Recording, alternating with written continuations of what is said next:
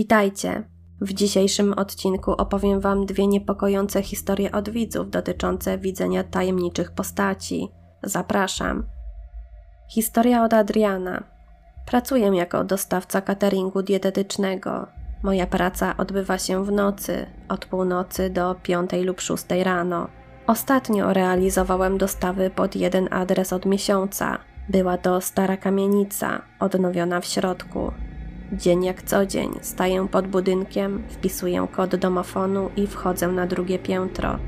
Klatka, tak jak zawsze, oświetlona światłem z czujnikiem ruchu.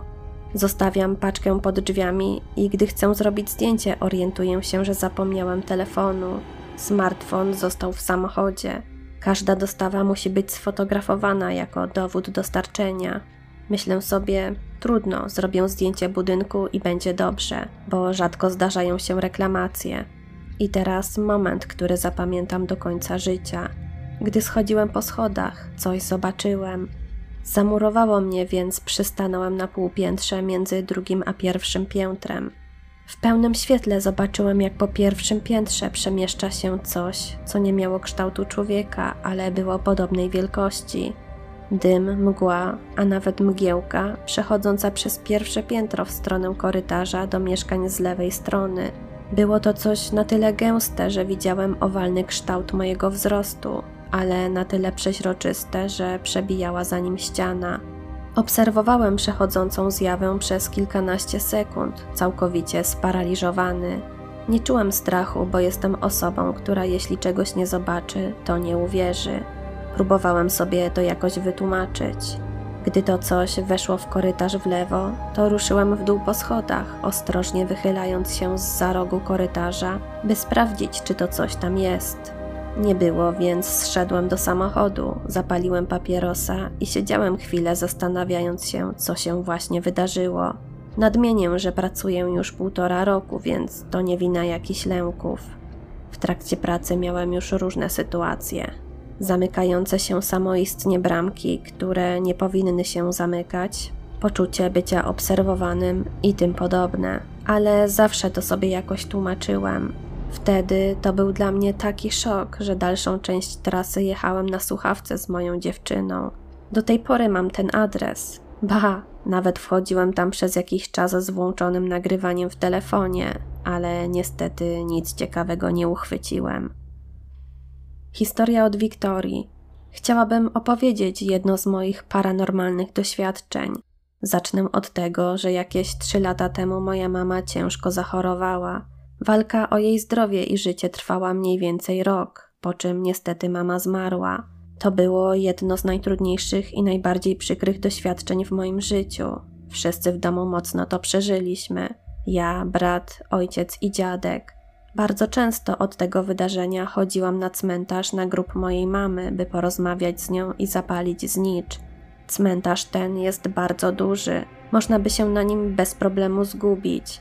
Mieści się on w jednym z największych miast w Polsce i jest w czołówce największych cmentarzy w moim mieście.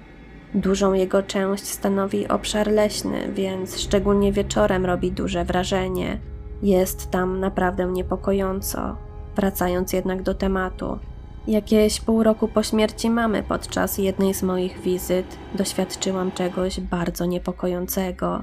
Była jesień, a kiedy przyszłam na cmentarz, zrobiło się już zupełnie ciemno. Jedynym źródłem światła była oświetlona ścieżka kilka metrów od grobu. W pewnym momencie, zapalając znicze, usłyszałam łamanie gałęzi w zagajniku nieopodal – z początku kompletnie to zignorowałam, ponieważ jako iż jest to teren leśny, łazi tam masa zwierząt, szczególnie sarny i dziki. Poszukują smacznych kwiatków na grobach. Po chwili odwróciłam się, żeby sięgnąć do plecaka po kolejny wkład do znicza i mój wzrok przykuła ciemna postać stojąca ze 20 metrów dalej na ścieżce obok zagajnika. W normalnej sytuacji bym to zignorowała, bo tak jak wspomniałam, jest to bardzo duży cmentarz i często tamtą drogą przechodzą jacyś ludzie. Jednak w zachowaniu i w wyglądzie tej postaci było coś bardzo niepokojącego.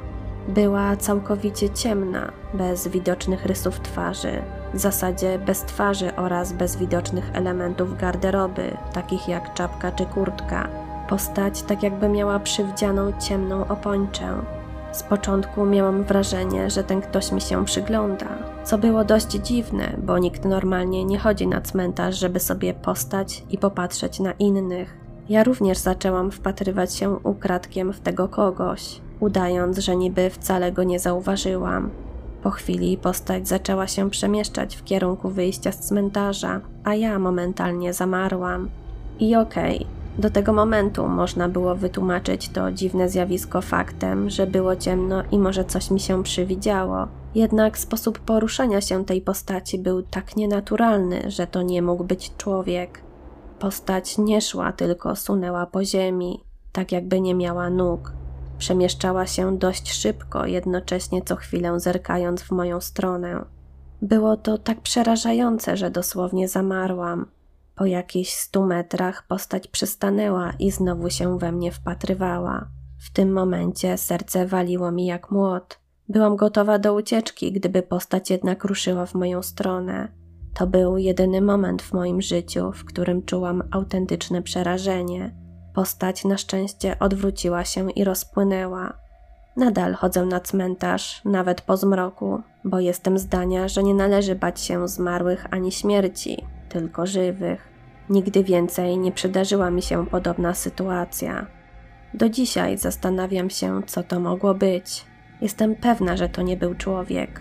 Może to sama śmierć, która czuwała nad zmarłymi i szła właśnie po kolejną duszę, a może to dusza jakiegoś zmarłego włócząca się po cmentarzu? Nie mam pojęcia. To już wszystkie historie na dziś. Czym mogły być tajemnicze postacie? Ciężko stwierdzić. Być może byli to cieniści ludzie. Opis pasuje. Sama widziałam coś podobnego, moja koleżanka także. Sytuacja miała miejsce nagle i niespodziewanie, chociaż podejrzewam, co mogło być przyczyną takiej manifestacji. Niepokojące zjawiska w moim życiu zaczęły się niedługo po próbach wróżenia starota, jednak dopiero po latach zorientowałam się, że to ta krótka przygoda z kartami rozpoczęła serię trudnych do wytłumaczenia zjawisk. Nie wierzyłam, że wróżenie może działać, dopóki moja mała przepowiednia się nie sprawdziła.